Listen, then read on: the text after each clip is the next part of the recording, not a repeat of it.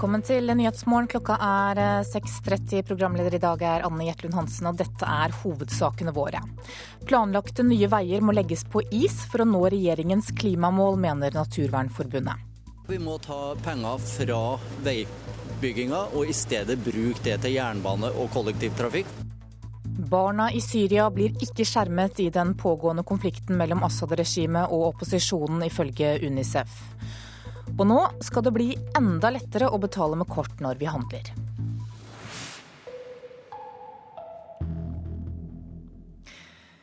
Nye veier må utsettes inntil videre dersom regjeringen skal nå sitt klimamål. Det mener Naturvernforbundet. Klimagassutslipp fra trafikken på planlagte veier blir så store at utslippene totalt går opp, ifølge forbundet, som viser til myndighetenes egne beregninger. Og dette gjør at vi må velge jernbane framfor nye, store motorveier, sier forbundsleder Lars Haltbrekken. Hvis vi bygger de motorveiene som nå er foreslått, så vil det føre til en kraftig økning i utslippene av eh, klimagasser. Og vi vil få mer forurensning og ikke mindre, sånn som målet er. Han står midt i Oslo-trafikken og viser fram beregninger fra Statens vegvesen for nye veier. Blir de bygget, vil biltrafikken øke utslippene av CO2 med over 200 000 tonn per år, sier Haltbrekken. Og Det er mer enn det vi klarer å redusere fra den kraftige elbilsatsinga. Og det er tre-fire ganger så mye som det vi klarer å redusere med den nye satsinga på dobbeltsporet på østlandsområdet. Myndighetene har tidligere lagt fram tall som viser at satsing på elbiler skal gi en utslippsreduksjon på rundt 200 000 tonn, en effekt som altså kan bli nullet ut av trafikken på nye veier. Veiene det er snakk om, er under utredning eller planlegging, og aktuelle for Nasjonal transportplan, som gjelder for 2014 til 2023, ifølge Haltbrekken. Det er særlig veier rundt de store byene. Det er E18 innover mot eh, Oslo, som vi mener må skrinlegges. Og det er også veier rundt Bergen, Stavanger, Kristiansand og Trondheim som eh, må skrinlegges, og i stedet bruke pengene på kollektivtrafikk og jernbane, sånn at vi kan få utslippene og forurensningene ned. Naturvernforbundet har sin oppskrift klar. Vi må ta penger fra veibygginga og i stedet bruke det til jernbane og kollektivtrafikk. Det er jeg ikke enig i. Sier Senterpartiets nestleder Trygve Slagsvold Vedum. Senterpartiet vil ha begge deler. For i Norge trenger vi både vei, i store deler av landet er det helt avgjørende. Mens f.eks. rundt Oslo skal vi løse transportutfordringene der, så er vi helt avhengig av jernbane. Kan dere nå klimamålene på denne måten? Det er jo en aktiv politikk på avgiftssida som er helt avgjørende, så vi klarer å få ned utslippene. Og det ser du nå, at bilparken i dag slipper mye mindre ut enn bilparken for fire år siden. Og vi fører en avgiftspolitikk nå som gjør at det blir en grønnere og grønnere bilpark. Så det må være målet, at de bilene som kjører på norske veier skal slippe ut mindre om et par år enn det de gjør i dag. Reportere her var Katrin Hellesnes og Lars Nehru Sand. I Syria så blir ikke barna skjermet for den pågående konflikten mellom Assad-regimet og opposisjonen. Det er noe av det som kommer frem i en ny rapport fra FNs barnefond UNICEF, som dokumenterer hvordan barn rammes av væpnede konflikter rundt om i verden. Velkommen til Nyhetsmorgen, generalsekretær Bernt Apeland i UNICEF Norge. Takk skal du ha. Du, aller først, eh, helt konkret, Hvordan påvirker konflikten i Syria hverdagen til barna som bor der? For de som rammes hardest, så drives de jo på flukt. Det er flere tusen barn hver eneste dag som flykter fra Syria til nabolandene. Eh, og i de tidene der nå hvor det er vinterklima også i dette området og, og kuldegrader om natta, så det, eh, kan det være direkte fysisk skadelig og stort belastende. Men i tillegg så er det klart at barna utsettes for væpnede handlinger. De eh, utsettes for veldig traumatiske eh, opplevelser. Og så bryter jo hele samfunnet sammen rundt det. Skolevesenet forsvinner, helsevesenet forsvinner, og mat- og vannlevering forsvinner. Sånn at eh, Syria er, er, har i løpet av det siste året blitt den største katastrofen for barn som vi ser i verden i dag. Ja, hva gjør det med barn å leve under eh, slike forhold? Ja, det kan jo eh, potensielt skape store eh, problemer i, senere i livet for disse barna. Og derfor er det så viktig å eh, for det første selvfølgelig å, å gi dem de mest nødvendige. Eh, mat, vann, eh, varme.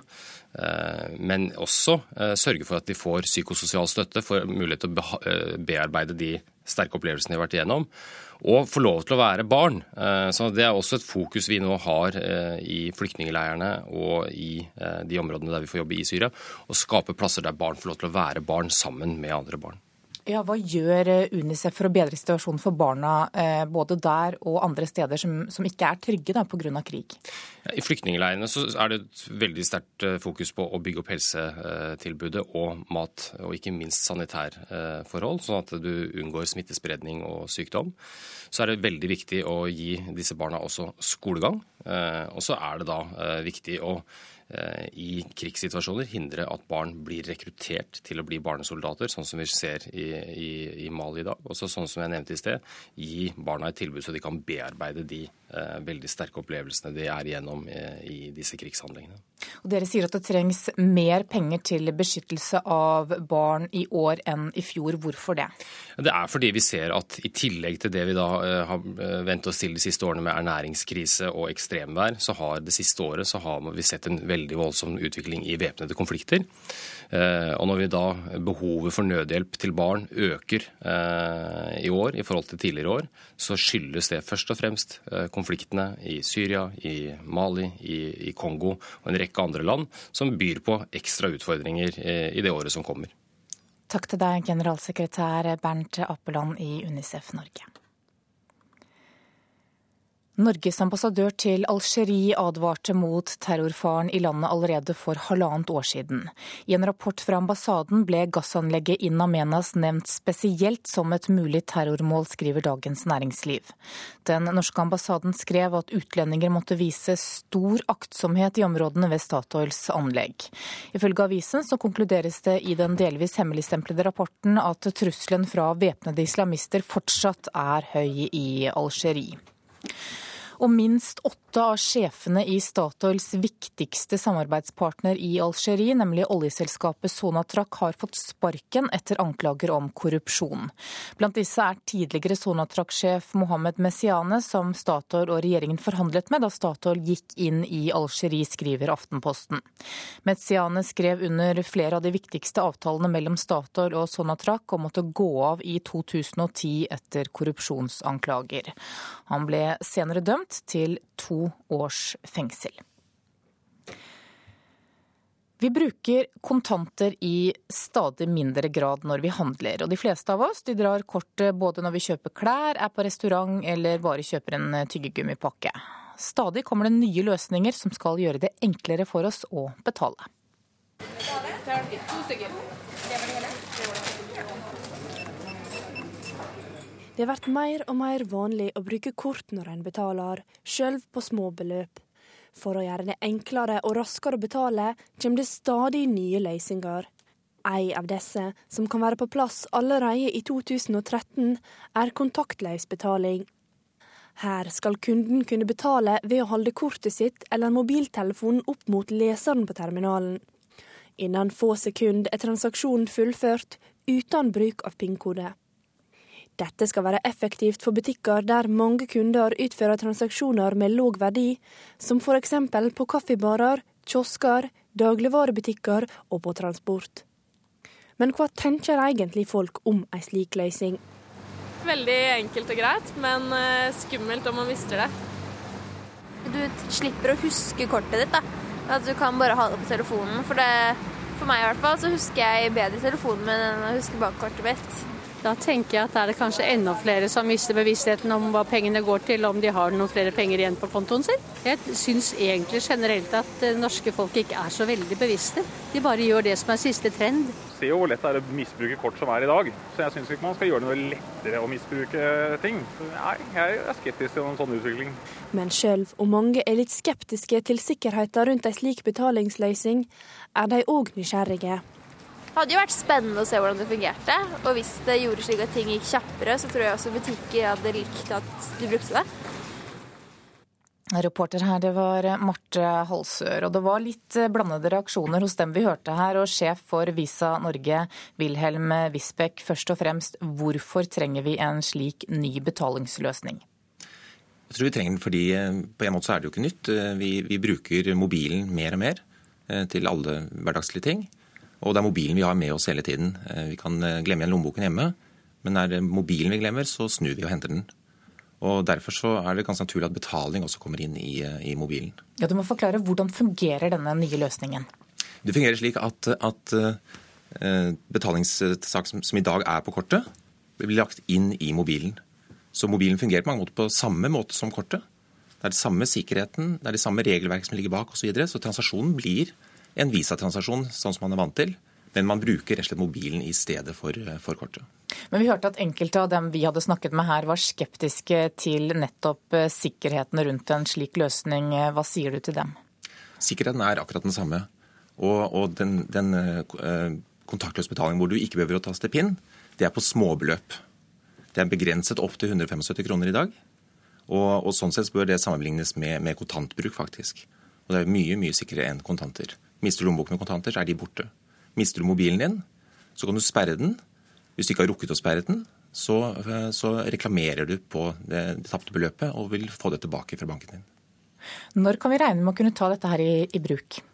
Det blir rullet ut løsninger nå allerede første halvår i år. Så, så jeg tror de, mange av oss vil se muligheten i år.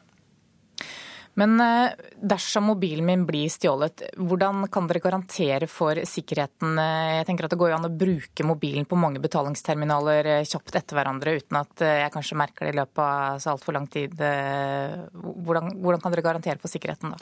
Klart, hvis en kjeltring får tak i mobilen din, så, så kan han få kjøpt noen kaffekopper i full fart før du får sperret den.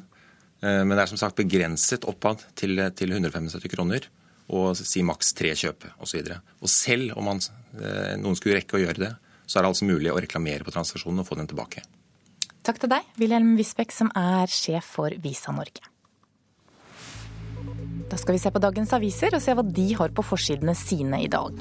Norges ambassadør i Algerie advarte mot terror allerede for halvannet år siden. Det skriver Dagens Næringsliv. I en rapport som ble hemmeligstemplet, skrev han at grenseområdene i sør har utviklet seg til et fristed for terrorister og smuglere. Dagsavisen forteller at nye sykehusrom på Aker sykehus brukes som lager, samtidig som Oslo-området flommer over av pasienter. Gigantselskaper betaler ikke skatt i Norge, ifølge Klassekampen. Gigantene omsetter for milliardbeløp i Norge, men kreativ regnskapsføring og oppblåste utgifter får bort skatten, sier professor. Folk i Oslo ønsker ulven velkommen, det skriver Aftenposten. Ingen i Norge er mer positive til å ha ulv i nabolaget enn folk i Oslo og Akershus, og nå er et ulvepar etablert i Østmarka. Dagbladet gir deg svar i dag på hvor mye boligen din er verdt. Du er 500 000 kroner rikere ifølge avisa. Bergens Tidende forteller om 32 år gamle Halvor Rykkje som har ligget på sykehus store deler av de siste sju årene. Han har hatt anfall av invalidiserende kvalme og oppkast.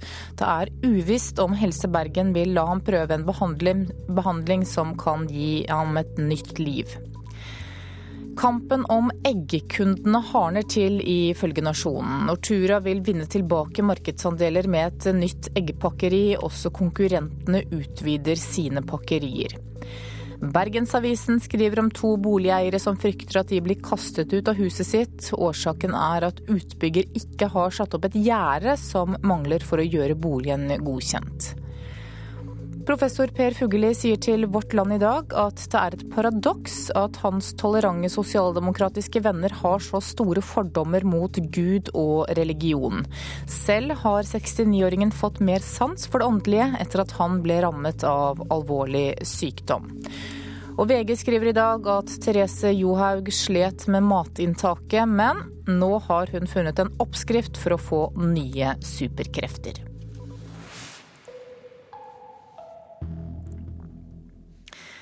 Da skal vi ha sport. Langrennsløper Øystein Pettersen mener han er god nok til å gå under VM. Samtidig innrømmer han at han ikke ville gitt seg selv en plass på VM-laget dersom det var han som var trener. I dag har løperne siste mulighet til å bevise at de fortjener en VM-billett, og Pettersen har fortsatt ikke gitt opp håpet foran dagens sprint. Jeg mener jo fortsatt at VM ikke er eh, med Øystein Pettersen på laget. Forteller Øystein Pettersen til NRK og fortsetter. Hvis jeg skulle tatt ut laget selv, så hadde jeg ikke tatt ut meg sjøl. For med kallenavnet Pølsa og en folkelig væremåte har Øystein Pettersen en stor stjerne hos de aller fleste langrennsinteresserte. Men årets sesong har vært preget av mange uhell eller udyktighet, som han selv kaller det. Jeg ljuger og sier at jeg ikke blir skuffa. Jeg blir jo, jeg blir jo skikkelig skuffa. Og det er siste mulighet til å vise seg fram at uh, man er god. Under VM i Holmenkollen kvalifiserte han seg. Det endte med at han røk ut i prologen, og ekstremt skuffet måtte innse at mesterskapet var over nesten før det hadde begynt. I dag kommer den siste sjansen til å skaffe seg billett til Val di Fiemme i februar. Altså, jeg tror det blir VM. Men eh, om jeg er med, det vet jeg ikke. Jeg har fryktelig lyst til å gå VM. Eh, det er ikke jeg som tar ut laget, og jeg skal bruke fredagen til å vise at jeg i hvert fall kan gå fort på ski. Eirik Bransdal derimot har vært Norges kanskje mest stabile sprinter det siste året. NRK vet at han allerede er VM-klar. Han har sett at Pettersen ikke har vært like heldig. Han roter seg litt bort uh, av og til, så jeg tror ikke han er helt enig med at han, at han gjør det. Da. Men uh, det handler litt om selvtillit og liksom, og liksom lykkes med det en del ganger. I dag er pølsa avhengig av full klaff. Jeg vet at jeg er i god form. Altså, det er skikkelig harry å si det, men jeg, jeg vet at jeg er i god form. Reporter var Mats Håby. Du hører på Nyhetsmorgen i NRK P2 og Alltid nyheter. Klokka er 6.46. Dette er hovedsaker i nyhetene i dag. Planlagte nye veier må legges på is for å nå regjeringens klimamål, det mener Naturvernforbundet. Barna i Syria blir ikke skjermet i den pågående konflikten mellom Assad-regimet og opposisjonen, ifølge Unicef. Og teleselskapet OneCall lurer mobilkundene sine, det mener Forbrukerombudet.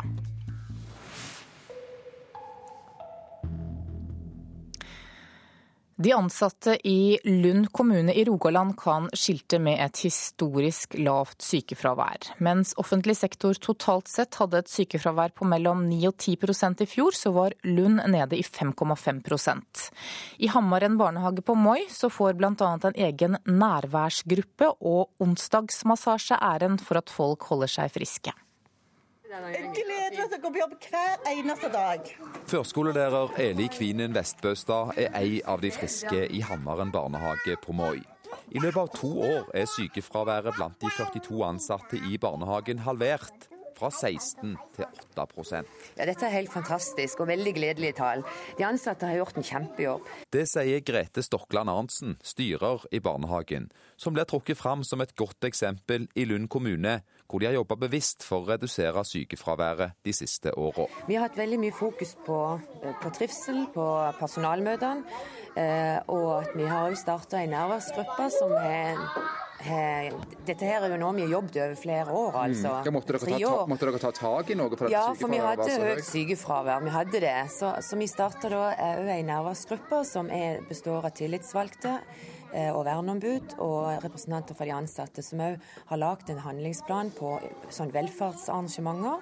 Og òg sånn små drypp i hverdagen, sånn positive ting. Ja, så har vi massasjetilbud i barnehagen. At uh, de ansatte får mulighet til å få massasje som letter for skuldre og nakke. og i arbeidstida. Det sier Lene Rørvik, som har jobba i barnehagen på Moi i ti år. Vi har jobba med sykefraværet, det har vi. Vi har eh, jobba målretta med sykefraværet, og, og, det merkes jo godt på avdelingene. Folk merker det er lettere å få ting til å fungere når, når eh, alle folk er på jobb. Det totale sykefraværet i Lund kommune var i fjor på 5,5 det er friskt. Ja, Vi er jo kjempegodt fornøyde at vi har fått ned fraværet i Lund kommune generelt, men spesielt da i Hammeren barnehage, som var veldig høyt. Og som da har gjort gode tiltak for å få dette ned. Og det er ikke løye KrF-ordfører i Lund, Pål Ramdal, er tilfreds.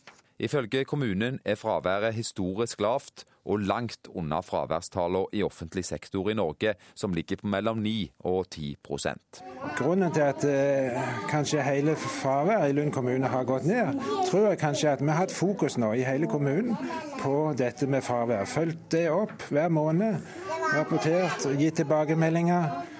Og uh, hatt fokus på dette. Og Hvordan skal dere nå klare å fortsette å ligge på dette lave nivået når det gjelder sykefravær? Ja, nei, Vi vil fortsette den linjen. Vi har tett oppfølging. Men så er det sånn, det må være lov å være syk òg? Ja, det er lov å være syk. Det er det. Mm. Men det er jo lov å komme på jobb og ikke være helt i form. Og det mm. Jeg gleder meg til å gå på jobb hver eneste dag. Det jublet Eli Kvinn Vestbøstad, som er førskolelærer på Moi. Og reporter her, det var Johan Mile Laugaland. Jeg har vært veldig heldig, det sier 62 år gamle Bjørn Sandnes, som er Høyre-ordfører i Haram i Møre og Romsdal. For 15 måneder siden så fikk han konstatert en kreftsvulst i hjernen, og det viste seg senere å være kreft i magen som hadde spredd seg til hodet. Oddsene var dårlige, men nå har Sandnes kommet tilbake, og den foreløpige konklusjonen er at han er kreftfri. Det var jo en veldig spesiell situasjon å få en sånn sykdom eh, mer eller mindre over natta. Men eh, sånn som det er per i dag, og status per i dag, er jo så god som det kunne bli for meg. Det er helt fantastisk, sånn som jeg ser det. Dette er mot alle odds? Ja, virkelig. Det er mot alle odds. I forhold til det utgangspunktet jeg hadde, så er det det, ja. Hva tenker du om det? Nei, altså jeg har vært heldig. Alt er stemt uh, gjennom den prosessen som er gått. og det er ikke noen selvfølge, så det setter jeg veldig stor pris på. Er du 100% friskmeldt, eller er det noen mørke skyer som, eh, som henger over hodet ditt? Ja, vet, når han har hatt en såpass alvorlig kreftdiagnose som jeg har hatt, så blir han vel sånn sett aldri friskmeldt. Men eh, jeg er så frisk som jeg kan være, kan bli. Og, men det er klart at eh, faren for tilbakefall den vil vel alltids være der. Så det må, må en være forberedt på. Tenker du på det? Nei, jeg tenker ikke mye på det. Det er jo klart, eh, det er jo en viss spenning eh, ved hver, ved hver kontroll som man er på. Nå går det til tre måneders kontroller, og i den forbindelse er det litt spenning på eh, utfallet. Hva, hva er tilbakemeldingene? Men tenker du på det? At dette kunne ha gått gale veien for deg? Ja, jeg, det, jeg, måtte jo tenke på det også. Jeg, men jeg har ikke brukt mye tid på det, det må jeg bare si. Men jeg har måttet, måttet være forberedt på at det kunne gå galt. Så jeg har vært, vært litt innom de tankene også, naturligvis. Reporter var Trond Vestre. Senterpartiet mener innvandrere som vil ha norsk statsborgerskap må stå både på en samfunnsfagsprøve og på en språkprøve før de kan få norsk pass. Det skriver partiet i forslaget til nytt partiprogram. Lederen i programkomiteen Trygve Slagsvold Vedum sier til Dagsavisen at samfunnsfagsprøven skal inneholde spørsmål om demokrati, folkestyre og retter og plikter i det norske samfunnet, og at språkprøven er helt nødvendig for integreringen. Teleselskapet OneCall lurer mobilkundene, det mener iallfall Forbrukerombudet. Det har nå gitt selskapet én uke på å stoppe reklamekampanjen Like bra, bare billigere. Hvis ikke så risikerer selskapet å måtte betale flere titalls tusen kroner i bot. Det er billig. Det er jo veldig rimelig, da. Ja, det er billig, og så er det akkurat like bra som alle andre. Denne reklamen har Forbrukerombudet prøvd å stoppe i flere måneder. Folk liker oss altså fordi vi er akkurat like bra som andre mobilselskaper. Det er bare det at vi er billigere.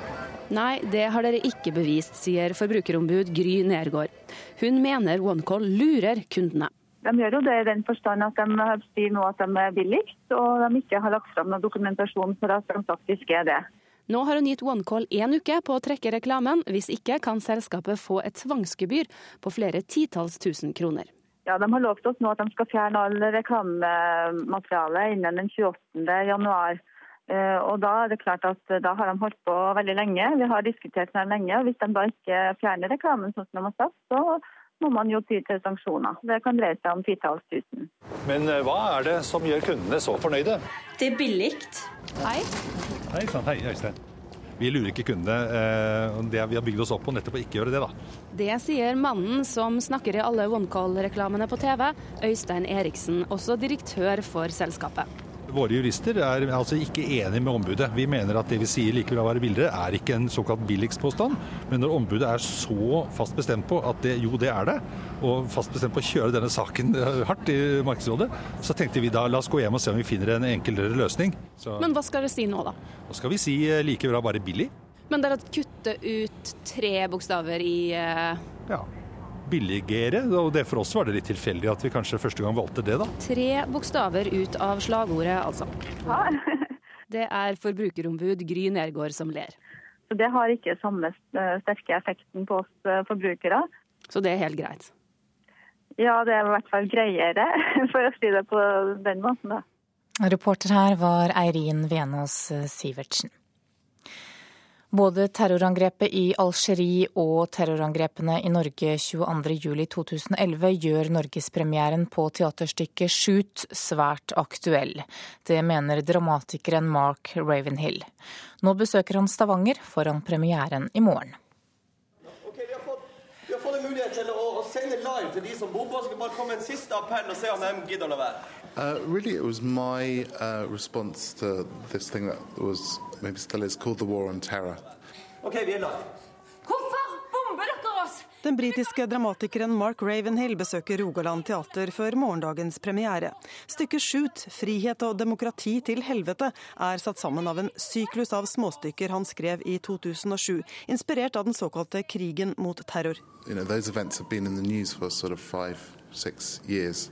And I almost felt that we'd become sort of used to those images. Maybe even a little bit blasé about them. Vi ble så vant til krigsbildene og retorikken at vi ble blaserte, sier Ravenhill, som mener stykket har blitt skremmende aktuelt også for oss nordmenn. The characters at the beginning of the play sort of feel that they're, they're different from the rest of the world, that they're sort of the good people and that they're separate from the terrible things that maybe other countries are doing, and then suddenly they find that they are more connected to these other terrible events than they wanted to think they were.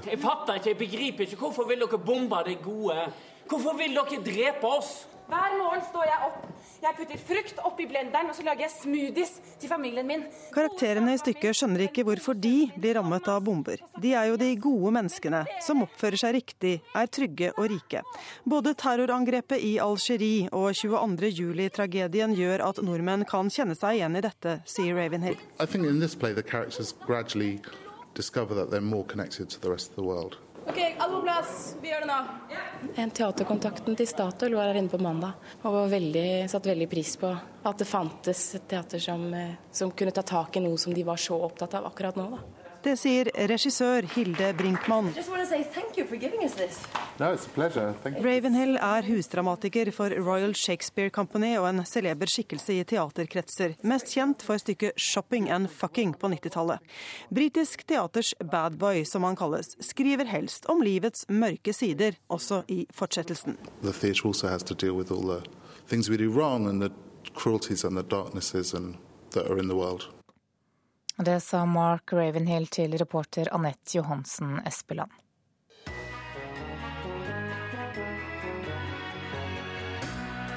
Radioselskapet presenterer Selskapslekene, fredagskviss på P2. Ukraina, Uganda, Ungarn, Uruguay Fire deltakere møtes til quiz på direkten og kjemper om en splitter ny DAB-radio. Da får vi tippe to. Er fantastisk bra tippet. Gratulerer. Fredager klokka 11.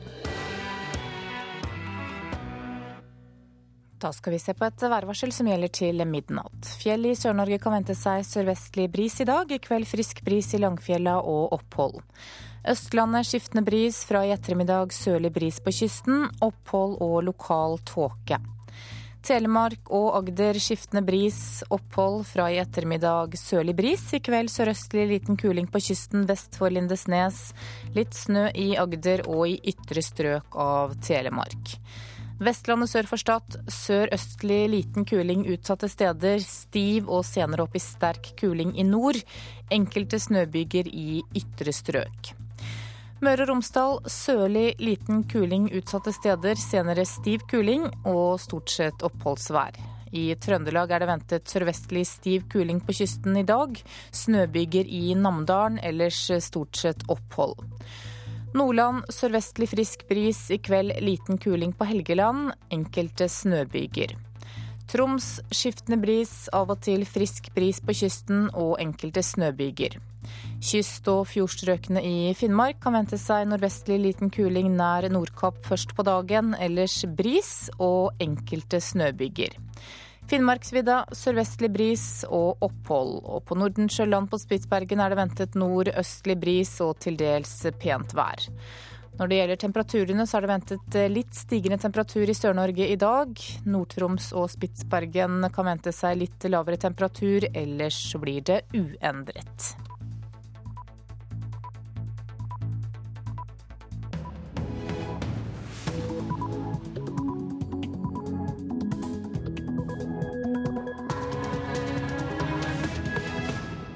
Klokka er sju. Du lytter til Nyhetsmorgen med Anne Jetlund Hansen. I studio her er en nyhetsoppdatering. Den norske ambassaden i Algerie advarte i 2011 om at faren for terror i landet var stor. Ikke så trygge jobber, blir det hevdet i en sikkerhetsrapport som har kommet fra den norske ambassaden i Alger. Ifølge Dagens Næringsliv skriver ambassadøren i en halvårsrapport sommeren 2011 at trusselen fra væpnede islamister fortsatt er høy i landet. Norske bedrifter går gjennom rutinene sine etter gisseldramaet i Algerie. De ønsker å få vite um, hvor de kan få hjelp hvis noe skjer. De ønsker å få kvalitetssikret sikkerhetsplanene sine. De ønsker å få dobbeltsjekket at de risikoanalysene vi gjorde for en måned og to siden fremdeles gjelder.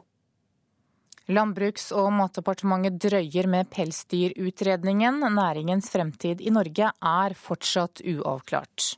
Nei, Det er utrolig beklagelig at regjeringa krangler så mye innad at de ikke klarer å bli helt handlingslamma ikke klarer å få lagt fram saker for Stortinget. Og tydeligvis håper jeg at de taper valget og skal slippe å ta stilling. Sier Venstre-leder Trine Skei Grande. Barna i Syria blir ikke skjermet i den pågående konflikten mellom Assad-regimet og opposisjonen, ifølge Unicef. Politiet tok knekken på innbruddsbandene, men nå stjeler de kriminelle heller lommebøkene dine. I en delvis hemmeligstemplet rapport advarte den norske ambassaden i Algerie om at faren for terror i landet fortsatt var stor, og at utlendinger var et mål. Rapporten ble skrevet for ett og et halvt år siden, og i dag så kom en gruppe ofre for akkurat denne terroren tilbake til sitt hjemland.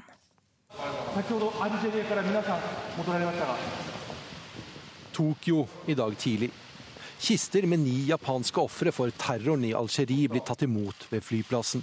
De ni, og et tiende offer som kommer senere, har opprørt den japanske befolkningen, som trodde at ingeniørjobber ved et anlegg drevet av norske Statoil og britiske BP var relativt trygge. Ikke så trygge jobber blir det hevdet i en sikkerhetsrapport som har kommet fra den norske ambassaden i Alger. Ifølge Dagens Næringsliv skriver ambassadøren i en halvårsrapport sommeren 2011 at trusselen fra væpnede islamister fortsatt er høy i landet. Ukentlig blir det meldt om nye terroraksjoner og konfrontasjoner etter bakholdsangrep og geriljataktikk, er konklusjonen i rapporten, ifølge avisen. Rapporten er delvis hemmeligstemplet, og til Dagens Næringsliv sier Statoil at dette er forhold som vil inngå i selskapets grundige gjennomgåelse av det som har skjedd. Det vil være å gjette for terroristene hvis vi nå skulle si at svaret på dette er at vi skal trekke oss tilbake. Det vil heller ikke gi oss trygghet. For vi ser at terror kan også hjemme ramme i vårt eget land. Dette sa statsminister Jens Stoltenberg under en pressekonferanse på mandag. Rapporten sommeren 2011 fikk ikke Statoil til å trekke seg ut av landet, selv om det i rapporten, ifølge Dagens Næringsliv, er spesielt farlig for utlendinger i landet fordi terroristene har dem som mål. Og Det sa utenriksmedarbeider Halvard Sandberg. Og Terrorangrepet i Algerie har gitt norske sikkerhetsrådgivere mye å gjøre. Sikkerhetsselskapene har fått mange henvendelser fra norske selskaper etter angrepet. Mange går i disse dager gjennom sine rutiner for utenlandsoppdrag. Og oljeleverandøren Klempen i Bergen er ett av dem. Men dette er sannsynligvis til Midtøsten. Avansert måleutstyr skal ut i verden. Fra Laksevåg i Bergen leverer Klempon utstyr til oljeselskaper i mange land. 90% av det vi selger, det går til eksport. De 90 ansatte her blir sendt ut til alle verdenshjørner. Etter terrorangrepet i Algerie går selskapet gjennom sikkerhetsrutinene sine for utenlandsreiser på nytt. Det sier administrerende direktør i Klempon, Dag Aldal. Det som vi har eh, begynt med, det er en prosess med å se gjennom de rutiner og prosedyrer vi har hatt rundt eh, reising. Bergensselskapet er ikke det eneste som går gjennom rutinene for utenlandsoppdrag i disse dager. Det sier Arild Nodland, sjef i rådgivningsselskapet Bergen Risk Solutions. I tiden etter terrorangrepet i Algerie har de fått mange henvendelser fra selskaper som vil vurdere sikkerheten på utenlandsoppdrag på nytt. De ønsker å få vite um, hvor de kan få hjelp hvis noe skjer. De ønsker å få kvalitetssikret sikkerhetsplanene sine. De ønsker å få dobbeltsjekket at de risikoanalysene vi gjorde for en måned og to siden fremdeles gjelder. Også sikkerhetsfirmaet Bestia har fått mange henvendelser etter angrepet i Algerie. Selskapet ønsker ikke å uttale seg til NRK, men sier at flere selskaper har tatt kontakt. Her arbeider vi med ultralydmålere. Ansatte i Klempon ble jevnlig sendt til bl.a. Nigeria og Midtøsten, og selskapet har også hatt ansatte ved Inamenas-anlegget. Men å la være å jobbe i disse landene er ikke et alternativ. Det ene er selvfølgelig at vi tjener penger, men det andre er at det er viktig å arbeide i disse områdene. Utvikle de eh, økonomisk og gi våre eh, bidrag. Reporter her var Siri Løken. Skjebnen til pelsdyrnæringen blir ikke behandlet i denne stortingsperioden. Det har kommet flere avsløringer om pelsdyr som lever under svært dårlige forhold, og landbruksministeren har sagt at en utredning om næringen skulle vært klar i løpet av våren. Men det er ennå langt fram, det bekrefter statssekretær Harald Oskar Buttedal. Den er ikke ferdig til påske, det kan jeg love deg. Nei, Det er utrolig beklagelig at regjeringa krangler så mye innad at de ikke klarer å bli helt handlingslamma og ikke klarer å få lagt fram saker for Stortinget. Og tydeligvis håper jeg at de taper valget og skal slippe å ta stilling. Svarer Venstre-leder Trine Skei Grande, som vil legge ned hele pelsdyrnæringa i Norge. Det samme vil både Arbeiderpartiet og SV. Dette er små rovdyr som holdes i veldig små bur, eh, som har en del naturlige instinkter som de trenger. Jeg tror at næringa kommer til å bli lagt ned i neste periode.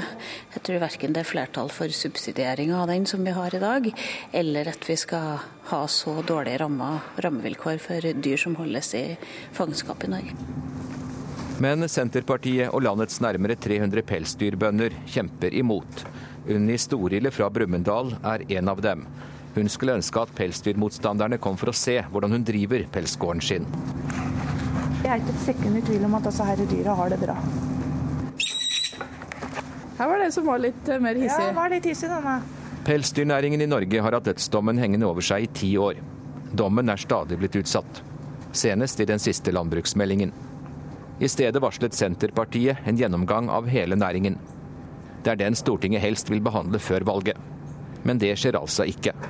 Vi har aldri lovet noen dato, sier statssekretær Buttedal. Vi har uh, i landbruks- og matmeldingen sagt at vi skal ha en gjennomgang av, uh, pelsdyrnæringa. Det er ikke sagt noe forpliktende om når den skal uh, være ferdig, men vi har starta arbeidet.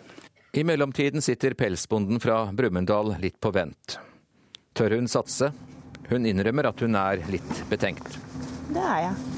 Det er klart du blir det. Du skal investere en god del penger i det. Eh, og politikere er jo òg litt sånn eh, layback med hva de på en måte mener om det. Noen tør kanskje ikke å mene noe, og noen mener noe. Eh, og hvis det er snakk om en avvikling, så, så er det ikke så rart den er betenkt, sånn sett, når du skal investere borti to millioner kroner, kanskje over. Når tar du en avgjørelse på om du kommer til å øke? Den er vel for så vidt tatt. Vi har jo begynt med tomta. Så du har egentlig bestemt deg for å satse mer? Jeg har vel egentlig det. Men, eh, men allikevel så er det sånt men der. Og jeg tror det vil være et men der ei stund framover. For nå skal vi ikke gjøre noe mer før til sommeren. Så jeg føler at jeg på en måte har vinteren på meg til å få lagt det mennet bak meg. Reportere her var Hans Jørgen Solli og Anette Strand Slettmoen. Informasjonsansvarlig Live Kleveland i Dyrevernalliansen, velkommen til Nyhetsmorgen. Tusen takk. Hva syns du om at det drøyer med denne utredningen? Ja, det er i hvert fall løgn å påstå at eh, regjeringen og Landbruksdepartementet ikke har tid på seg til å legge den frem. For eh, vi vet positivt at arbeidet har pågått siden tidlig i høst. Jeg var selv i et møte med politisk ledelse og toppbyråkrater i Landbruksdepartementet i oktober. Og byråkratene var da inngående eh, godt orientert om saken på detaljnivå. Arbeidet var i gang.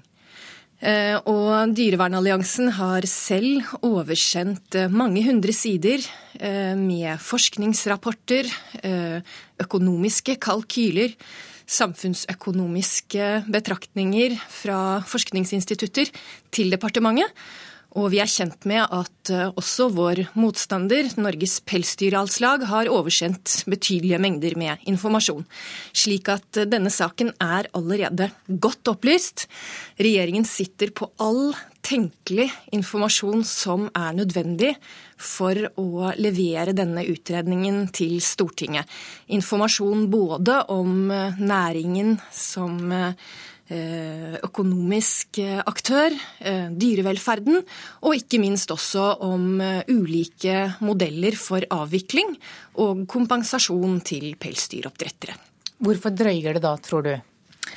Senterpartiet narrer her sine samarbeidspartnere, Sosialistisk Venstreparti og Arbeiderpartiet. Og eh, SV og Ap de bør bli redde nå eh, for å tape denne viktige hjertesaken for mange av sine velgere. Eh, Senterpartiet holder sine samarbeidspartnere for narr hvis de virkelig har til hensikt å trenere denne saken nå.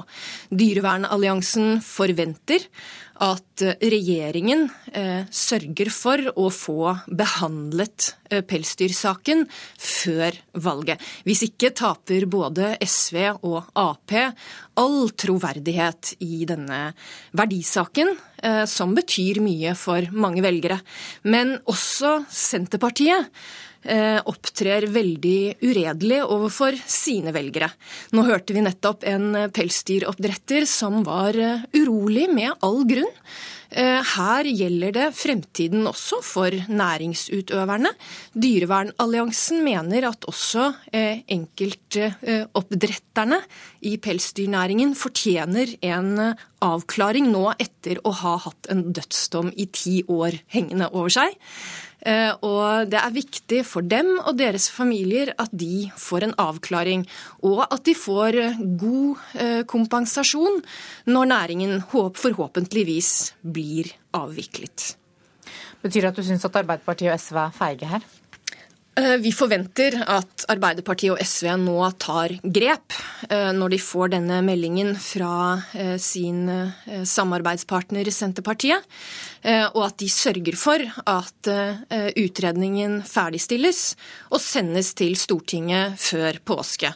Eh, da vil Stortinget ha god tid til å diskutere saken innen valget, slik at både alle velgerne som er opptatt av pelsdyrenes velferd, og pelsdyroppdretterne som er opptatt av sin økonomiske fremtid, kan få en avklaring. En etterlengtet avklaring etter at pelsdyrsaken har versert eh, nå i politikken i ti år. Tiårsfristen er ute. Eh, et samlet storting gikk inn for å vurdere fremtiden til næringen i år, eh, og fastslo også at når pelsdyrene ikke er blitt avlet tammere i løpet av disse ti årene, ja, da må den avvikles. Informasjonsansvarlig Live Kleveland i Dyrevernalliansen, takk for at du kom til Nyhetsmorgen. Og det blir mer om pelsdyrnæringens eh, skjebne i Politisk kvarter klokka 7.45. Der kommer Senterpartiets Per Olaf Lundteigen og Cato Nyquist, som er kommentator i avisa Nasjonen. Kriminelle bander som tidligere spesialiserte seg på innbrudd, har nå gått over til lommetyverier i stedet. Det sier politidirektør Odd Reidar Humlegård. Utviklingen de siste årene viser at innbrudd i boliger går ned, samtidig som vi aldri tidligere har blitt frastjålet så mye som nå når vi beveger oss i det offentlige rom. Og Humlegård tror mange kriminelle har fått øynene opp for hvilke store verdier som er i lommene og veskene våre. Ja, at det i hvert fall bak, eh, i nettverkene bak som sitter i toppen av denne pyramiden, at de eh, pengene og verdiene går eh, til noen av de samme stedene, det har vi god grunn for. Neste holdeplass er Brugata.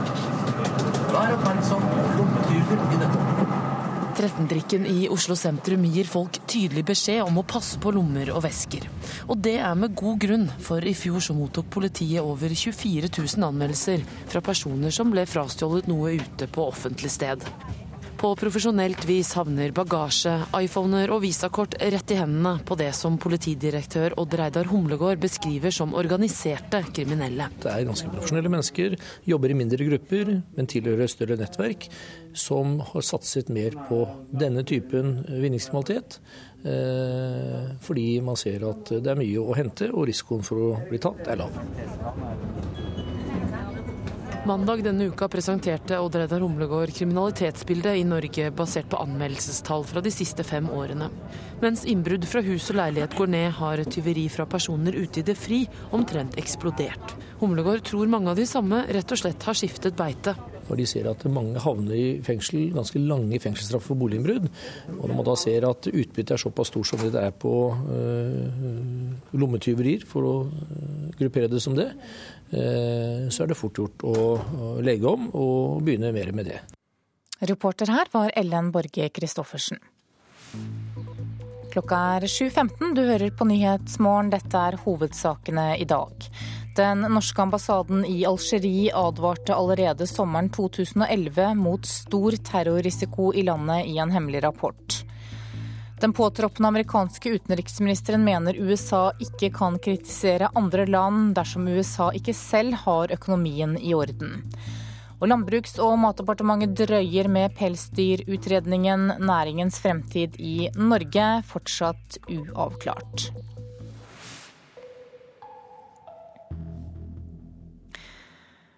I Mali sier nå en opprørsgruppe at den vil forhandle om en fredelig løsning på konflikten i landet.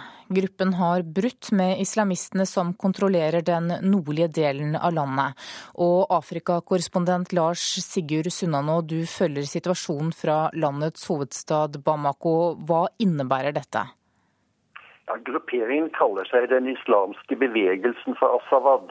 Asawad er tuaregenes navn på de nordlige ørkenområdene i Mali, der dette nomadefolket har kjempet for større selvstyre i årtier. og Utbrytergruppen ledes av Al-Gabas Ag-Intalla, en innflytelsesrik tuareg-leder i Kidal, som er en av de tre store byene som islamistene kontrollerer. At samholdet mellom opprørsgruppene nå begynner å slå sprekker, kommer likevel ikke overraskende. Det var ikke et ytterliggående islamsk styresett med strikte sharia-lover tuaregene ville ha da de gjorde opprøret i fjor vår sammen med islamistene og sikret seg kontroll i nord. Men de er på sett og vis skjøvet til siden av islamistene, og nå murrer det. Det er rundt 500 000 tuaregere i Mali, og det blir veldig interessant å se om også andre grupperinger fra denne folkegruppen vender seg mot islamistene. Mange av tuaregene er jo kamptrente og har moderne våpen etter å ha vært leiesoldater hos den falne diktatoren i Libya, Muammar Gaddafi. Hvordan påvirker dette den franske slagplanen?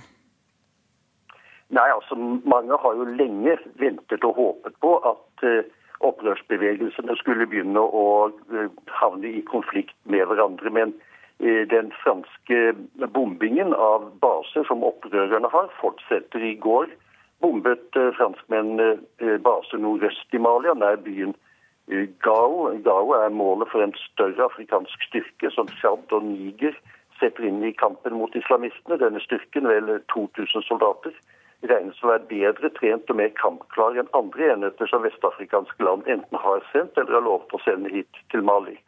Og fra grensen til Niger er det bare 20 mil til Gao, som ved siden av Timbuktu og Kidal er de, den største byen islamistene kontrollerer.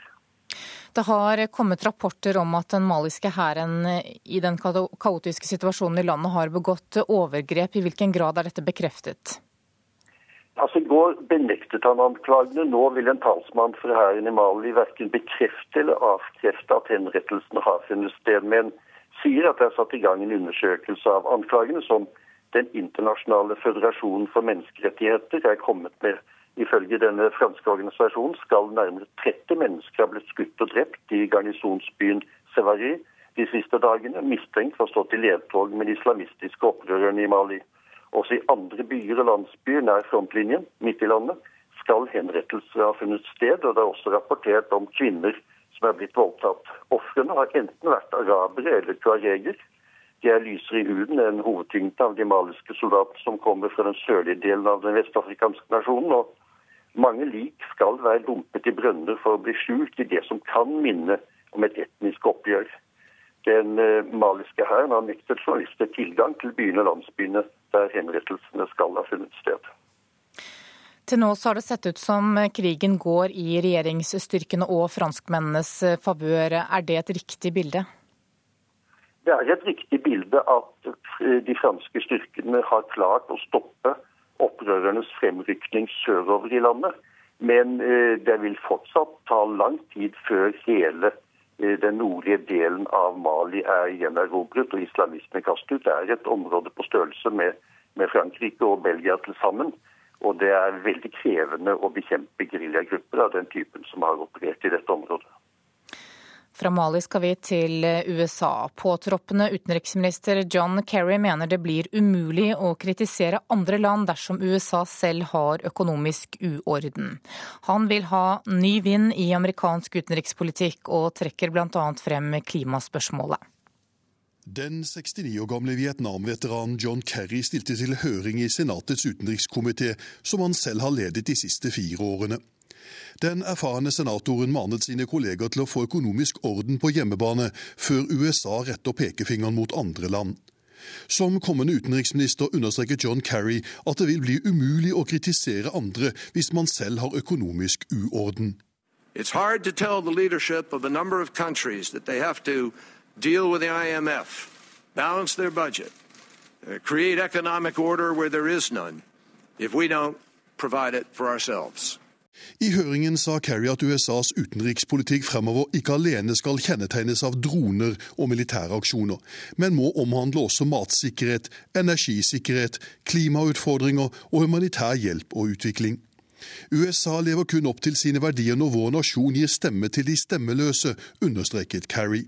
America lives up to her values when we give voice to the voiceless. USA vil ifølge den nye utenriksministeren gjøre alt for å hindre Iran fra å utvikle atomvåpen. Kerry vil opprettholde USAs sanksjoner mot styret i Teheran, og mente tiden var i ferd med å løpe ut for å få en endelig avklaring. To prevent Iran from obtaining a nuclear weapon. And I repeat here today, our policy is not containment, it is prevention. And the clock is ticking on our efforts to secure responsible. John Kerry tror det er mulig å få i gang igjen fredssamtaler mellom Israel og Palestina, men hadde ikke noe konkret svar på hvordan man kan få fredsprosessen på skinner igjen. Han mente det ville være katastrofalt om tostatsløsningen ble vraket. På et punkt i sin redegjørelse brast nesten stemmen for John Kerry. Det var da han viste til sin egen far som tjenestegjorde som diplomat i mange land, deriblant Norge. Med rusten røst minnet han om det offer og det oppdrag mange amerikanere gjennomlever som diplomater. My father's work under presidents, both Democrat and Republican, took me and my siblings around the world for a personal journey that brought home the sacrifices and the commitment the men and women of the Foreign Service make every day on behalf of America. Det er ventet at John Kerry kommer til å bli godkjent uten problemer av de folkevalgte som USAs nye utenriksminister. Han tar da over etter Hillary Clinton, som forlater amerikansk rikspolitikk uten å ha noen nye, konkrete oppgaver i sikte. Jon Gelius, Washington. Da skal vi se på dagens aviser og se hva de har på forsidene sine i dag. Dagsavisen forteller at nye sykehusrom på Aker sykehus brukes som lager, samtidig som Oslo-området flommer over av pasienter. Gigantselskaper betaler ikke skatt i Norge, ifølge Klassekampen. Gigantene omsetter for milliardbeløp i Norge, men kreativ regnskapsføring og oppblåste utgifter får bort skatten, sier professor. Folk i Oslo ønsker ulven velkommen, det skriver Aftenposten. Ingen i Norge er mer positive til å ha ulv i nabolaget enn folk i Oslo og Akershus, og nå er et ulvepar etablert i Østmarka. Dagbladet gir deg svaret på hvor mye boligen din er verdt. Du er 500 000 kroner rikere, ifølge avisa. Bergens Tidende forteller om 32 år gamle Halvard Rykkje som har ligget på sykehus store deler av de siste sju årene. Han har hatt anfall av invalidiserende kvalme og oppkast. Og det er uvisst om Helse Bergen vil la ham prøve en behandling som kan gi ham et nytt liv. Kampen om eggekundene hardner til, ifølge Nasjonen. Nortura vil vinne tilbake markedsandeler med et nytt eggpakkeri, og også konkurrentene utvider sine pakkerier. Bergensavisen skriver om to boligeiere som frykter at de blir kastet ut av huset sitt. Årsaken er at utbygger ikke har satt opp et gjerde som mangler for å gjøre boligen godkjent. Professor Per Fugelli sier til Vårt Land i dag at det er et paradoks at hans tolerante sosialdemokratiske venner har så store fordommer mot religion. Selv har 69-åringen fått mer sans for det åndelige etter at han ble rammet av alvorlig sykdom. Og VG skriver at eh, langrennsløper Therese Johaug slet med matinntaket, men nå har hun funnet en oppskrift for å få nye superkrefter.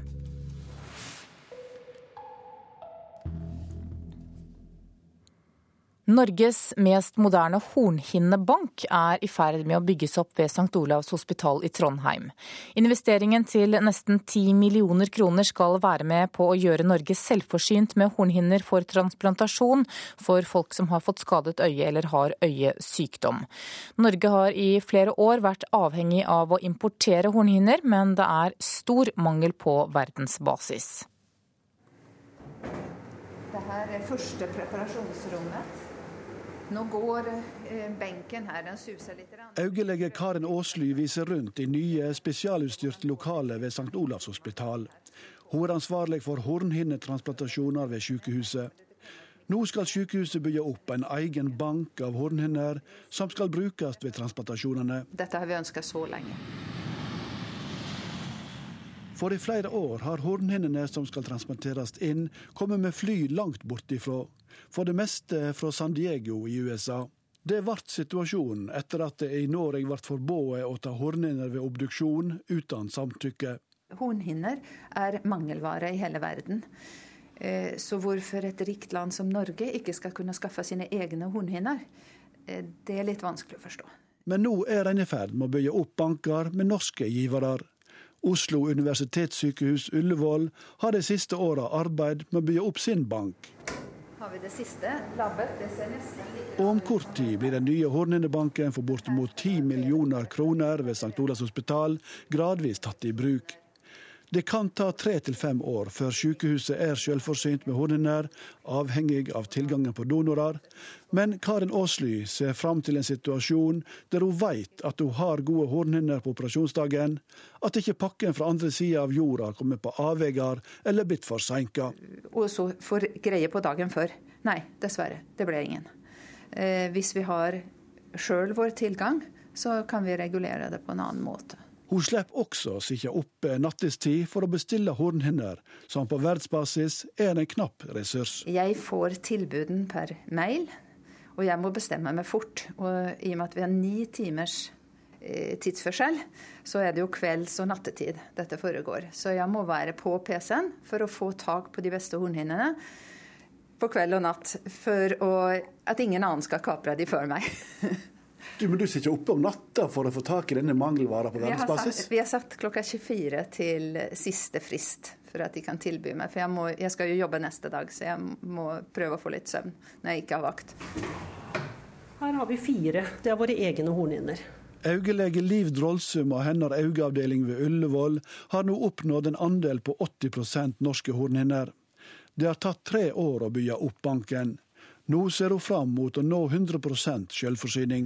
Både etisk sett og på alle måter ville det føles eh, som det beste. Her skal da vevet være klarert allerede. Når St. Olavs hospital nå også kommer i gang med sin bank, er målet at de to bankene også skal forsyne det tredje sykehuset i landet som gjennomfører hornhinnetransplantasjoner, Haukeland i Bergen. Vi regner jo kanskje med at vi skal kunne forsyne dem òg fra Oslo og Trondheim. Slik at de skal slippe å bygge en bank. Man trenger jo ikke satse absolutt overalt hvis vi klarer å få det til her.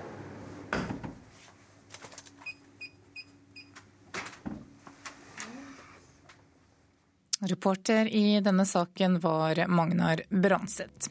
Du hører på Nyhetsmorgen i NRK P2. Den neste halvtimen så får du først Dagsnytt 7.30 ved Ragnhild Bjørge, og i Politisk kvarter så blir det mer om pelsdyrnæringens skjebne. Produsent for sendingen i dag heter Sjan Erik Bjørnskau, og her i studio Anne Jetlund Hansen.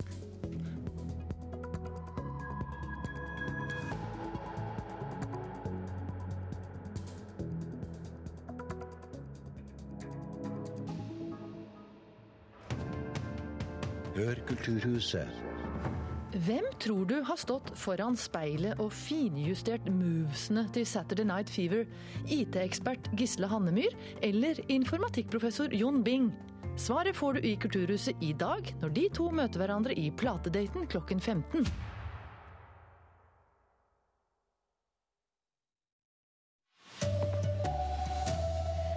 Striden om norsk pelsdyrnæring spisser seg til. Nå utsetter regjeringa saka til over valget.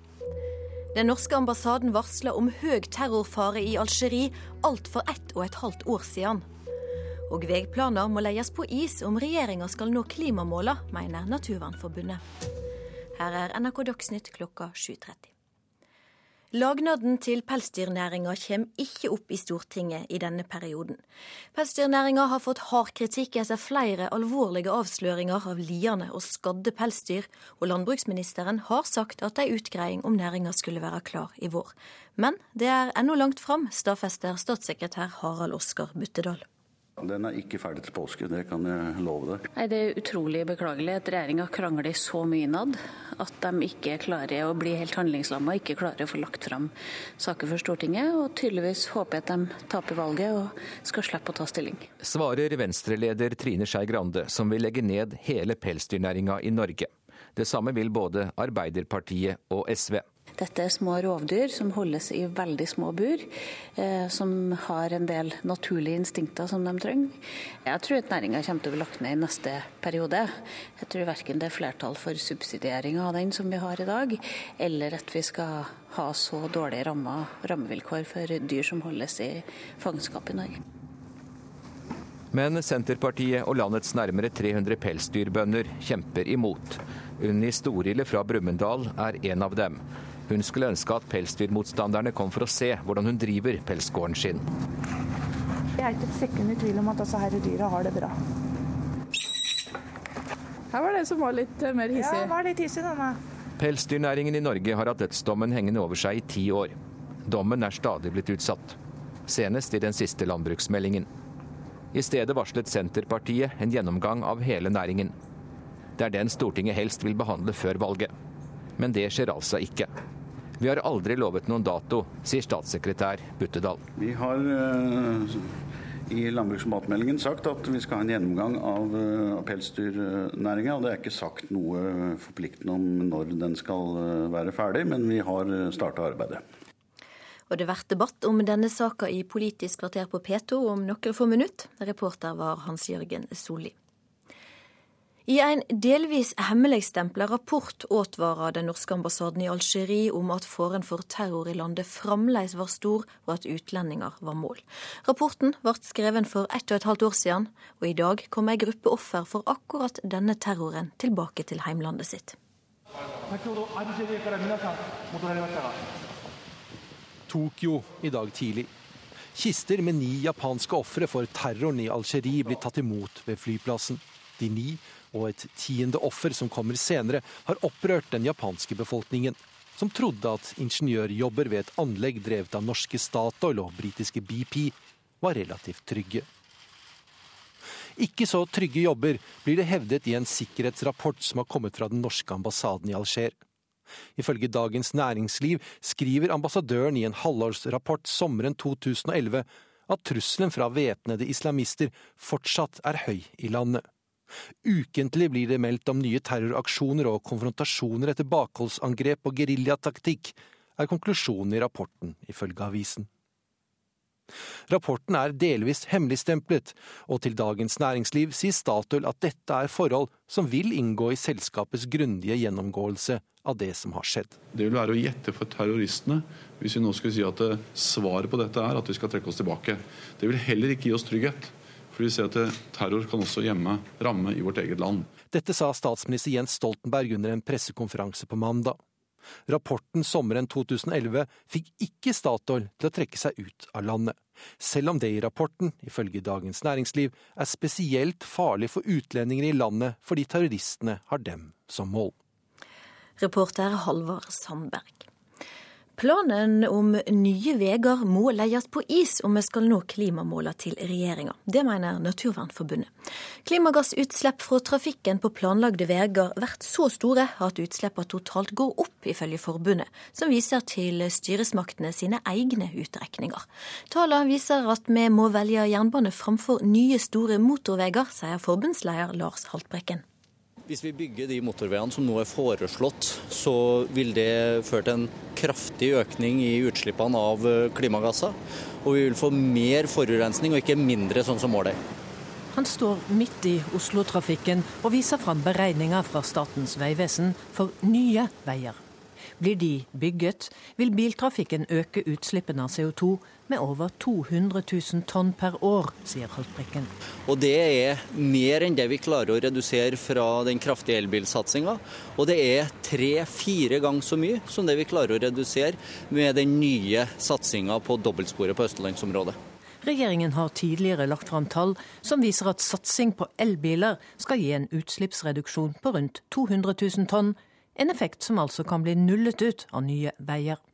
Naturvernforbundet har sin oppskrift klar. Vi må ta penger fra veibygginga og i stedet bruke det til jernbane og kollektivtrafikk. Det er jeg ikke enig i. Sier Senterpartiets nestleder Trygve Slagsvold Vedum. Senterpartiet vil ha begge deler. For i Norge trenger vi både vei, i store deler av landet er det helt avgjørende. Mens f.eks. rundt Oslo skal vi løse transportutfordringene der, så er vi helt avhengig av jernbane. Reportere Katrin Hellesnes og Lars Nehru Sand. De borgerlige partiene kommer ikke med noe felles partierklæring før stortingsvalget. Det sier leder i Kristelig Folkeparti, Knut Arild Hareide. Det eneste Hareide vil si, er at ei røyst til Kristelig Folkeparti er ei røyst for ei ny regjering, skriver Aftenposten. Og dermed stopper han ønsket til Høyre-leder Erna Solberg om å legge fram en felles borgerlig plattform før valget. Tidligere innbruddsbander har gått over til å bli proffe gjenger av lommetyver. Det mener politidirektør Odd Reidar Humlegård.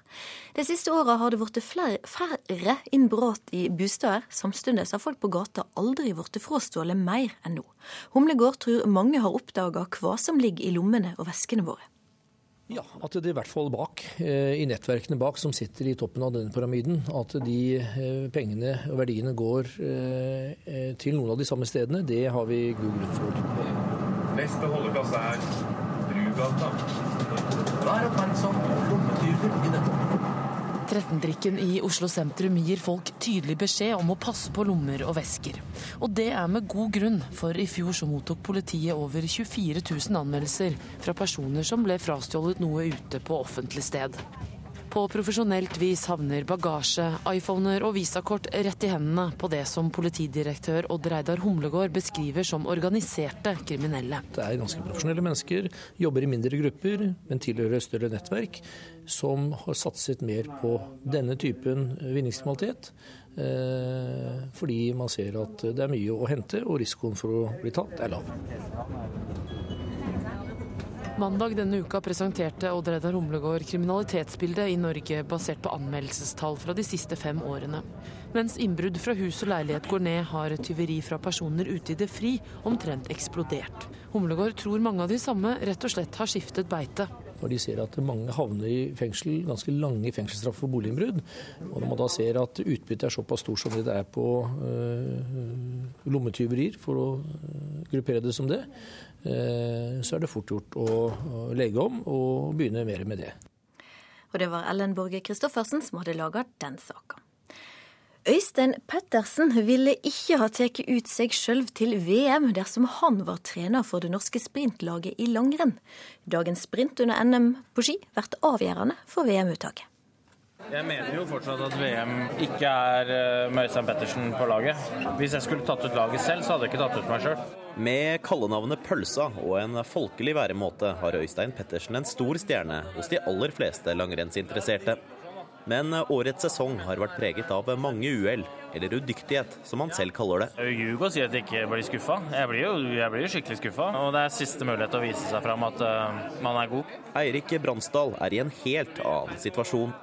Slik NRK forstår det, er han VM-klar og har en helt annen inngang til NM enn Pettersen. Jeg senker skuldra, men uh, jeg har jo vunnet de to siste sprintene, så jeg har to på rad. Så jeg er sykt gira på en til. Men i dag er det pølsa som er avhengig av suksess. Jeg vet at jeg er i god form. Altså, det er skikkelig harry å si det, men jeg, jeg vet at jeg er i god form.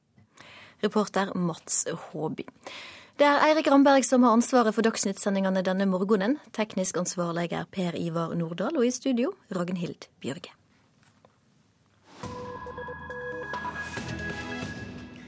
Nyhetsmorgen fortsetter. Myndighetene i Bolivia har suksess med sin politikk for dyrking av coca-planten, som er et råstoff til det narkotiske stoffet kokain. Landet fikk nylig grønt lys fra FN for å kunne bruke, dyrke coca til såkalt tradisjonell bruk, og landets president Evo Morales håper nå å kunne eksportere produktet til land som Kina og Venezuela. Arnt Stefansen har sendt oss denne reportasjen fra Rio de Janeiro. Bolivias coca-dyrkere feirer en viktig seier. Tidligere denne måneden ble landet gjenopptatt i FNs antinarkotikasamarbeid, og bolivianerne fikk støtte fra et overveldende flertall av FNs medlemmer til å kunne fortsette å dyrke coca-planten slik de har gjort i mer enn 1000 år. FN-vedtaket er ikke minst en seier for Bolivias president Evo Morales, selv tidligere coca-bonde og fortsatt formann for landets hundretusener av coca-dyrkere. Ulike regjeringer i USA, sammen med nyliberalistiske regjeringer her i Bolivia, prøvde i mange år å ødelegge vår tradisjon med å dyrke coca-planter. I dag sier jeg dere, vi vil aldri gi opp kampen for coca-planten, som er så viktig for vår identitet og kultur her i Bolivia, sier president Evo Morales. På en åkerlapp i Chaparé-provinsen i det sentrale Bolivia er en gruppe bønder travelt opptatt med å plukke coca-blader, slik deres familier har gjort i generasjoner. Tusenårsplanten coca har tradisjoner helt tilbake til inkakulturen, der den ble sett på som hellig.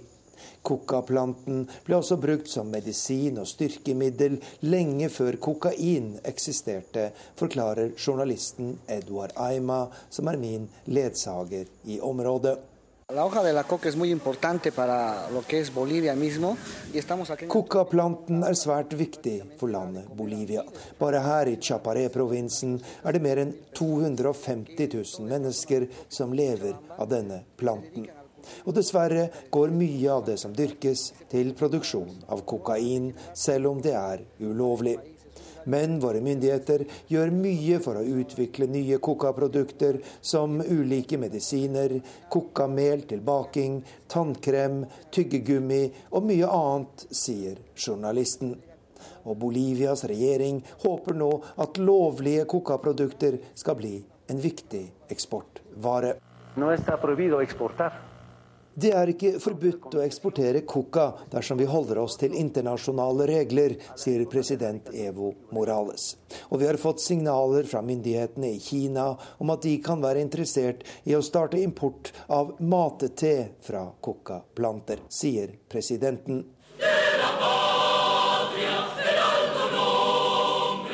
Etter at Evo Morales ble innsatt som Bolivias president i 2006, har han vært den mest markante motstanderen av USAs narkotikapolitikk.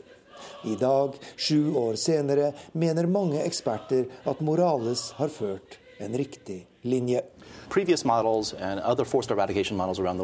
Tradisjonell narkotikabekjempelse har gått ut på at man ødelegger avlingen til kokabøndene uten erstatning, sier Sano Tree, ekspert på narkotikapolitikk ved Institutt for politiske studier i Washington.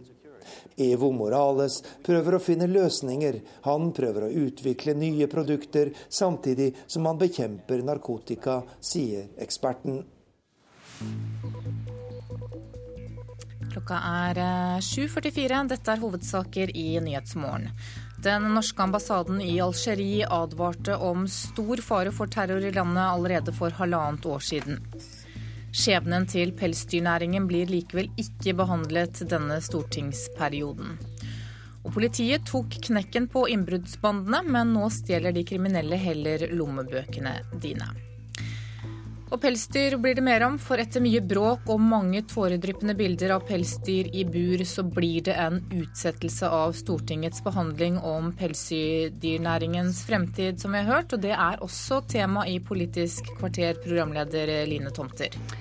Mink i bur setter følelsen i sving hos mange politikere, men ikke hos Per Olaf Lundteigen, og han har tro på at pelsdyrnæringen skal fortsette.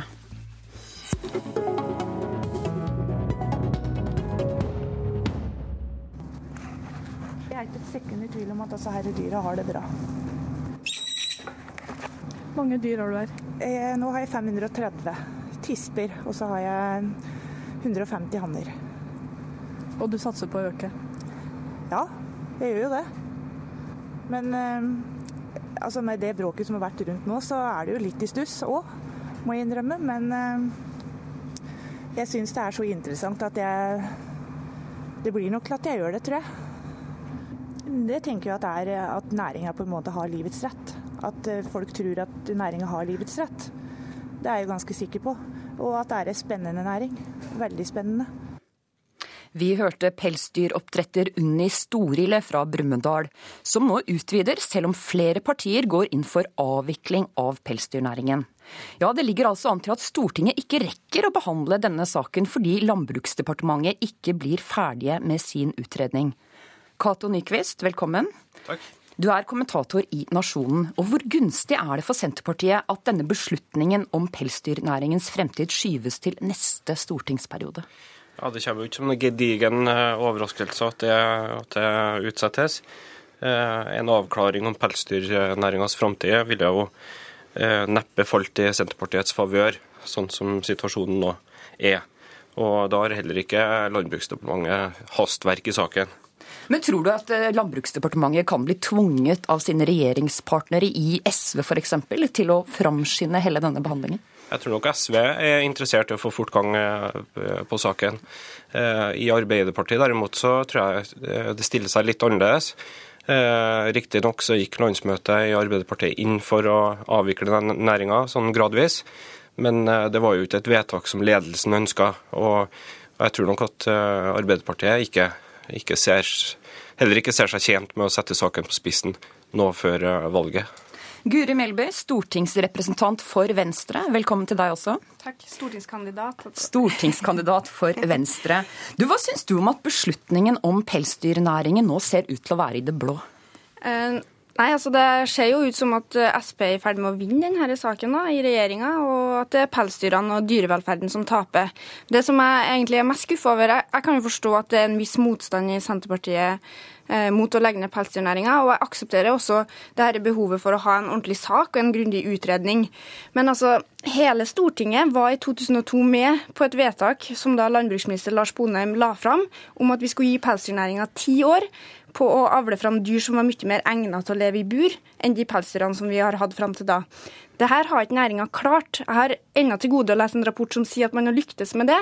Og da syns jeg det eneste redelige er å legge fram en sak for Stortinget, sånn at det samme Stortinget får lov til å behandle akkurat det. Syns du det er viktig at det behandles i denne perioden?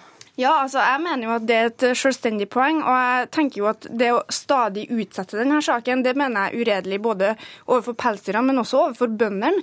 Det er jo mange som vurderer å etablere seg i denne næringa. Det er jo veldig høy lønnsomhet akkurat nå, og det er flere unge som går inn i næringa. Og jeg syns jo det å føre dem bak lyset, når vi vet at det i praksis omtrent er et flertall på Stortinget for å avvikle den. Per Olaf Lundteigen, stortingsrepresentant eh, for Senterpartiet. Velkommen.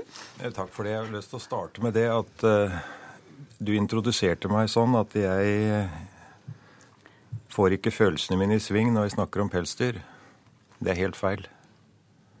Det er helt feil. Fordi at det å drive med pelsdyr, det er et dilemma. Og det er et av mange dilemmaer som du nå har i norsk husdyrhold. Og det som da er utfordringen, det er også prøve å nøste opp i det dilemmaet på en sånn måte at eh, både dyras eh, beste og menneskenes beste blir ivaretatt.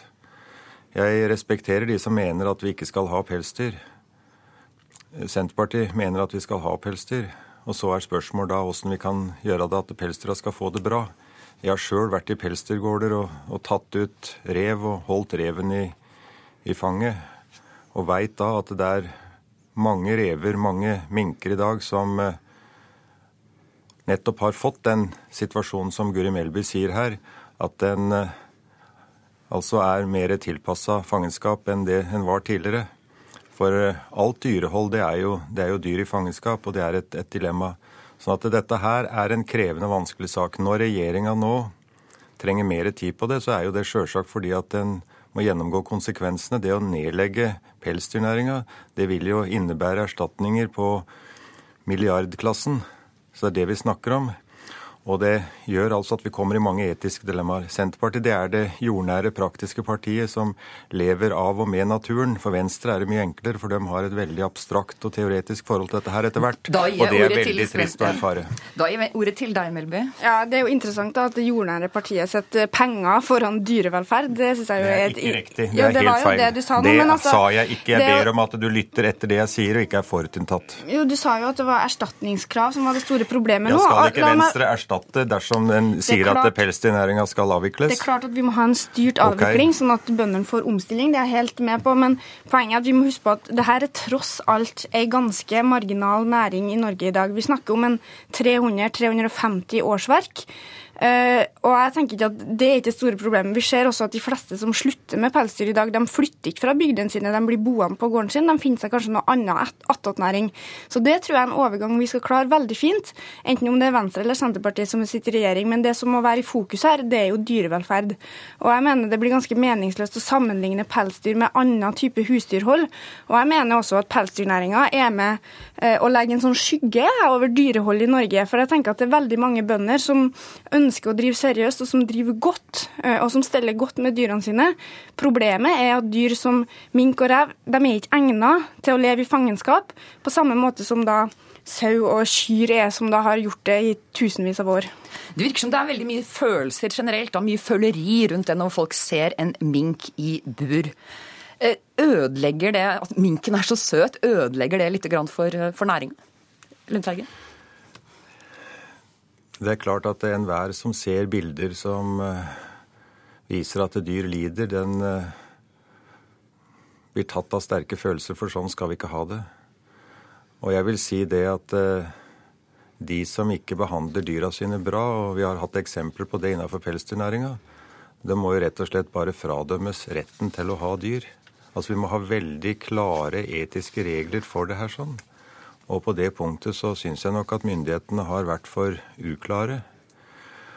Men altså det som er det vanskelige i dag, det er at altfor få hva skal en si, har utdanning i, og erfaring fra eh, planter og, og dyr. Og, og, forstår ikke da at eh, det virkelige livet det innebærer at, eh, at det er noen dilemmaer vi kommer opp i. Og et av de vanskeligste dilemmaene vi har når det gjelder bruk av, av husdyr, det er nettopp pelsdyrnæringa. Men pelsdyrnæringa kan drives på forskjellige måter, og det burde Guri Melby ta, ta inn over seg. Men altså Venstre de har jo så mye enklere, for at de, ja. de, de går ikke inn i den Men det er jo Senterpartiet som ikke vil gå inn i saken. Det er jo det som er problemet. Senterpartiet er- går inn i saken, og vi setter i gang en utredning i Landbruksdepartementet hvor en får oversikt over de fulle konsekvensene. Og jeg sier her at, eh, at da må det gjøres en grundig jobb med det, og det er landbruksministerens beskjed. Vi hørte denne pelsdyroppdretteren som utvider nå med to millioner kroner. Og Det er tydeligvis ganske sånn optimisme. Det er ikke noe særlig tro på at dette skal avvikles. Eh, Hvordan skal vi tolke det ut fra signaler som har kommet da, kanskje fra Landbruks- og matdepartementet? Nei, altså Det eneste som, signalet som har kommet, er jo at man skal få lov til å fortsette fra før. Det stilles ingen nye krav, strengere krav til dyrevelferd. Det er jo f.eks. ett grep man kunne ha tatt Lundteigen hvis man ønsker at, hvis man ser at den næringa her ikke driver på god nok måte, så kunne man i det minste satt strengere krav.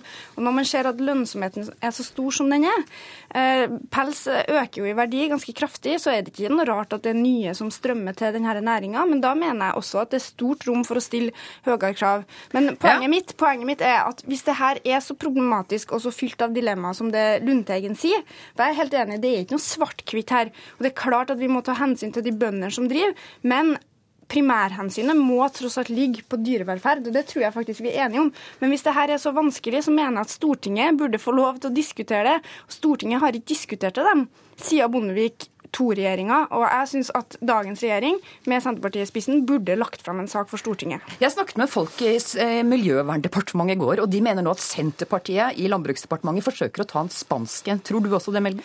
Ja, altså Senterpartiet vi, de er jo kjent som gode hestehandlere som vet hva de skal gjøre for å få det sånn som de vil. Og de er jo fullt klar over at hvis de legger fram denne saken, her, så kommer de til å tape. Eh, Derfor så gjør ikke de det, derfor så trenerer de det.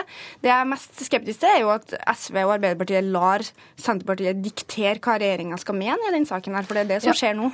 Da rakk vi ikke mer om pelsdyr akkurat i dag. Kjernen i saken fra Senterpartiet er for at dyrevelferd. du Det vil jeg bare kom. understreke, Ja. programleder. Tusen takk for at du kom, Per Olaf Lundteigen og Guri Melby.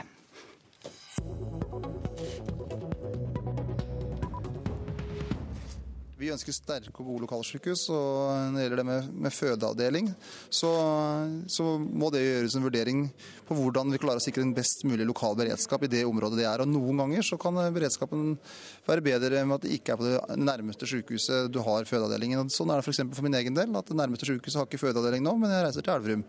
Og Det gir et fullgodt tilbud for oss som bor i Stange. Vi hørte her Trygve Slagsvold VM, landbruksminister og leder i eh, partiprogramgruppa til Senterpartiet.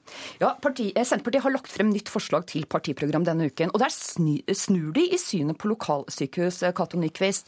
Det står nå i programmet, eller forslaget da, at kvalitet nå er viktigere enn nærhet.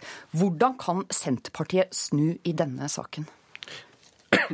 Det som er eh, altså Hvis du leser eh, programforslaget, så er det såpass rundt formulert at det kan tolkes i flere retninger. Og, og jeg tror at det er kanskje også det som er litt av hensikten. Også Senterpartiet gjør her som eh, reven. Eh, sørger for å ha flere utganger. Eh, men det er jo åpenbart at lokalsykehus ikke lenger er den store kampsaken som, som, eh, som vi har kjent eh, som Senterpartiet har vært kjent for tidligere. Faller dette i god jord hos Senterparti-velgerne? Nei, det tror jeg nok ikke. Det er jo svært sterke følelser rundt eh, lokalsykehus. Eh, Vi husker jo også, og De følelsene er jo også sterkt representert hos partiets egen leder. Vi husker jo hvordan Liv siden eh, Navarsete skjelte ut en eh, lokalsykehusaktivist på Vestlandet fordi eh, hun ble beskyldt for, ikke, for å ha gitt opp kampen om lokalsykehus. Men så tror du eh, Liv Signe Navarsete vil eh, støtte dette forslaget som har kommet fra programkomiteen? Eh, Det blir jo spennende å se. da. Eh, her er jo en sak som liksom går helt i hjerterota på, på Senterpartiet.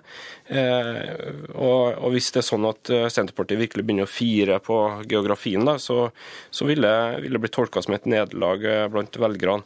For Senterpartiet er et parti der det ligger politikk i, i hver en kilometer når vi snakker om geografi. geografi. Men det er jo ingen tvil om at dette partiet sliter med oppslutningen på meningsmålingene. Hva i dette forslaget til partiprogram er det som henvender seg til andre enn partiets kjernevelgere? Det, jeg- vil si er jo det mest slående med programforslaget, det er jo at det er, går i velkjente spor, i motsetning til SV som er på leiting etter nye områder, etter nye velgergrupper. Så, så går jo Senterpartiet inn på sine gamle, gamle paroler, eh, ta hele landet i bruk osv., og, og innrette hele politikken sin imot eh, sin gamle, gode, kjente velgergruppe. Hvorfor forsøker du ikke å favne litt bredere? Jeg tror nok at Senterpartiet gjør som mange i, næringslivet når de sliter litt. De, de definerer sine, kjerne, sine, kjerneoppgaver, sine kjernegrupper, og, og, og sørger for å, for å, være best på de områdene som, som, Senterpartiet er kjent for å være god på. Men hvor er det du, hvor du syns programmet peker seg ut aller mest? Altså det, det, vil, eh, det, som jeg tenkte når jeg, når jeg, så gjennom eh, hele forslaget, var jo at det var relativt lite politisk uenighet der. Det var få dissenspunkter. De dissenspunktene som var, var om, om relativt små, små, politiske forskjeller på. Så, så, eh, samtidig så vet vi jo at det er store, sterke spenninger i Senterpartiet. Og jeg tolker det sånn at de spenningene mer er uttrykk for for personkamp og, og posisjoner enn for, for uh, ulik politikk og ideologi. Mm. Eh, vi rekker ikke så veldig mye mer eh, i dag. Eh, tusen takk for at du var med oss, Cato Nyquist, kommentator i Nasjonen. Da er dagens Politiske kvarter over, og mitt navn er Line Tomter.